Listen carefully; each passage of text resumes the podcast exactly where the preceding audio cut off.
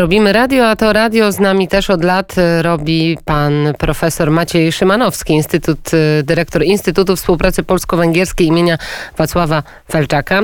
Dzień dobry panie dyrektorze. Dzień dobry, kłaniam się nisko. No i jak pan patrzy na to, co się dzieje na Węgrzech i na sytuację związaną między innymi z zawetowaniem budżetu, to jakie nastroje panują u Wiktora Orbana? Myślę, że dobre. Te dane dotyczące epidemii są porównywalne z Polską, czyli są lepsze niż gorsze. E, Wczoraj trochę ponad 3000 osób zakażonych, e, 91 osób zmarło. Jak e, przemnożymy to razy 4, to mniej więcej mamy te wyniki polskie, które jednak od, odróżniają się raczej na, no, są troszeczkę chyba jednak lepsze niż w wielu innych państwach europejskich, chociaż nie cieszymy się z tego, jak wiemy. Jeśli chodzi o kwestie budżetowe, no, Węgry też zapowiedziały, podobnie jak Polska, e, weto, e, domagają się rezygnacji z funkcji wiceprzewodniczącej Komisji Europejskiej, pani Wiery Jourowej, która która jest odpowiedzialna między innymi w Komisji Europejskiej za, za praworządność i za jej interpretację i daleką od, od prawa e, interpretację tego pojęcia, więc e, od obowiązu- obowiązu- obowiązującego prawa, więc, więc e, e, oczywiście polityka się dzieje i epidemia istnieje, natomiast, e, natomiast e, nic nadzwyczajnego poza tymi dwoma sprawami na Węgrzech się nie dzieje. Może poza jedną rzeczą, która, która faktycznie troszeczkę wstrząsnęła węgierską opinią publiczną w ostatnim czasie, bo najpierw odszedł lider zespołu Omega, a następnie e, gitarzysta basowy. E, również teraz dzisiaj, w poniedziałek bodajże, e, odszedł spośród żywych i właśnie zespół Omega, który był takim pierwszym zespołem w ogóle nie tylko węgierskim, ale nawet z bloku wschodniego, który którego utwór Dziewczyna o perłowych włosach tak sforsowała żelazną kurtynę kiedyś, stając się takim ogólnoświatowym hitem, no, stał się jednym z, takim, e, jednym z takich e, emblematów e, Węgier poza granicami, także pewna epoka przez śmierć tych, tych, tych dwóch osób, tych dwóch muzyków na Węgrzech też w tym świecie rockowym i kultury bez wątpienia się zamknęła. Panie profesorze, jak mówimy o sprawie budżetu Unii Europejskiej i tego weta, o którym pan wspominał, to na pewno sprawa, która pojawia się tak mocno na Węgrzech i tak mocno wybrzmiewa właśnie w tym kraju, to jest sprawa związana z imigracją, bo to Viktor Orban powiedział jako pierwszy, że ta zasada praworządności i powiązanie jej z środkami budżetowymi ma na celu właśnie siłowe wprowadzenie imigrantów. Węgrzy ten problem bardzo dobrze znają znają. Tak, no to w Polsce sobie nie wszyscy uświadamiamy, że o ile y, nam w Polsce zarzuca się tak zwany deficyt praworządności z uwagi na y, reformy sądownictwa, które się o, i zmiany w sądownictwie, które miały miejsce, o tyle na Węgrzech zupełnie inna jest wykładnia praworządności. Węgry przestały być krajem praworządnym, zdaniem wielu w Brukseli i kilku innych stolicach europejskich w momencie, kiedy zamknęły granicę południową na nielegalną imigrację odrzuciły twardo ten system przymusowych kwot relokacji. E, Kilka dni temu w Brukseli zresztą była taka konferencja interparlamentarna z Ursulą von der Leyen. Kolejna, która, która, która e, konferencja i, i kolejne wypowiedzi, które, które powracały do, do powr- do kończości wdrożenia w życie tego, tego systemu przymusowej relokacji ludzi. No Węgrzy to, to odrzucili. Minister Sprawiedliwości Litwarga to określiła krótko jednym zdaniem, że po prostu, żeby nie oczekiwać od Węgier poparcia dla, dla handlu ludźmi.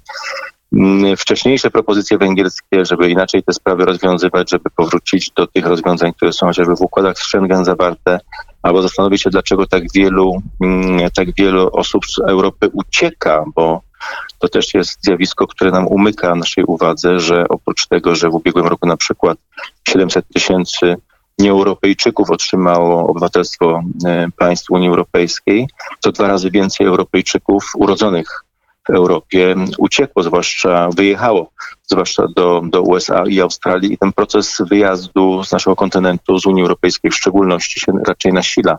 Także mamy tutaj dwa, e, dwa zjawiska, które które no, wcale się nie uzupełniają, tylko, tylko raczej grają na niekorzyść i chociażby tak z czysto ekonomicznego punktu widzenia rynku pracy, no bo nie jest, nie jest tajemnicą, że osoby, które imigrują do Europy spoza Europy zwykle w ponad jednej trzeciej no, są analfabetami, chociażby już nie mówiąc o jakimkolwiek wykształceniu.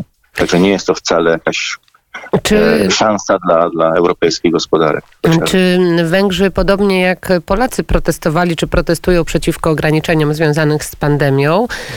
No a także czy istnieje jakiś taki podobny ruch do e, strajku kobiet, bo jestem ciekawa na Węgrzech? E, jeśli chodzi o protesty, to te protesty, to polityczne protesty były bardzo mocno na wiosnę. Tak? Opozycja zarzuciła tutaj mm, chęć wykorzystania już po raz nie wiem który, chęć zaprowadzenia dyktatury na Węgrzech przez rząd y, Viktora Orbana, chęć wykorzystania epidemii do ograniczenia wolności obywatelskich. To był ten czas, właśnie kwiecień, maj, kiedy również bardzo się uaktywnił nasz y, były premier Donald Tusk, który który usiłował e, znowu wrócić do tematu usunięcia Fidesu e, z, z frakcji EPL-u w, w Parlamencie Europejskim.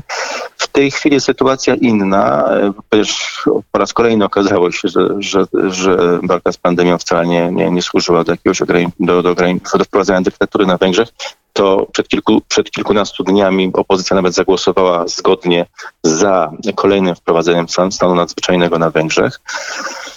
E, I nie ma manifestacji ulicznych. Jeżeli już, no to część osób na pewno nie podporządkowuje się obowiązkowi mm, noszenia maseczek. E, policja węgierska dosyć bezwzględna jest pod tym względem, czyli chyba wręczono już ponad 30 tysiącom osób mandat za nienoszenie e, maseczek. No i, albo ewentualnie druga taka kategoria, która podlega pod dosyć masowe mm, karanie ze strony policji, no to jest wychodzenie po godzinie 20 E, z domu, ponieważ na Węgrzech są e, te obostrzenia, jak to ładnie nazywamy w tej chwili po polsku, e, jeszcze ostrzejsze, czyli na przykład jest wprowadzony system no, takiej godziny policyjne od godziny 20.00, choć z drugiej strony szkolnictwo działa normalnie, tylko dopiero w ostatnich dniach uniwersytety przeszły na tryb zdalny, natomiast szkoły podstawowe i średnie działają normalnie. No i ostatnie pytanie, jak wygląda sprawa szczepionek, bo o tym przecież wszyscy mówimy, bardzo mocno angażujemy się. Pojawiła się przynajmniej niedawno taka informacja, że Węgrzy i rząd Viktora Orbana chce zakupić szczepionkę Sputnik 5, szczepionkę rosyjską. Czy ta informacja jest potwierdzona? Czy są jakieś rozmowy? Jak to wygląda dziś? Znaczy, dokładnie jest w ten sposób, że Węgry ogłosiły oficjalnie, że, nie przy, że tylko ta, te szczepionki będą używane na Węgrzech, które przejdą testy na Węgrzech i węgierskie organy je zaakceptują, węgierski sanepid czy Ministerstwo Zdrowia. I w, z tego powodu e, Rosjanie wysłali już do testów jakąś partię swoich szczepionek. Te testy się odbywają.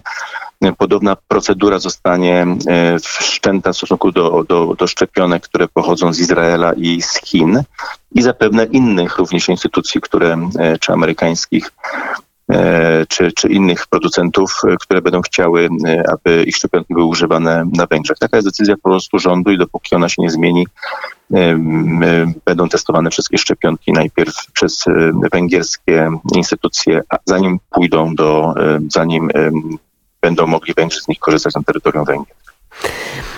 Czyli na razie wszystkie opcje brane są pod uwagę i wszystkie rozwiązania. O tym mówił pan profesor Maciej Szymanowski, dyrektor Instytutu Współpracy Polsko-Węgierskiej imienia Wacława Felczaka. Co w najbliższym czasie w Instytucie? W dwóch zdaniach na koniec?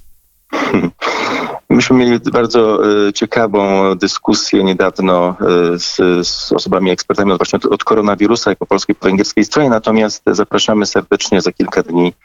E, będziemy mieli rozmowę z minister sprawiedliwości Judith Wargo, oczywiście online. Będzie to do wysłuchania i do ewentualnie podzielenia się potem swoją opinią. Bardzo dziękuję jeszcze raz pan profesor Maciej Szymanowski. Dziękuję za rozmowę. Kłaniam się nisko, do widzenia. Punktualnie godzina ósma i w imieniu Jana Olęckiego zapraszam na wiadomości.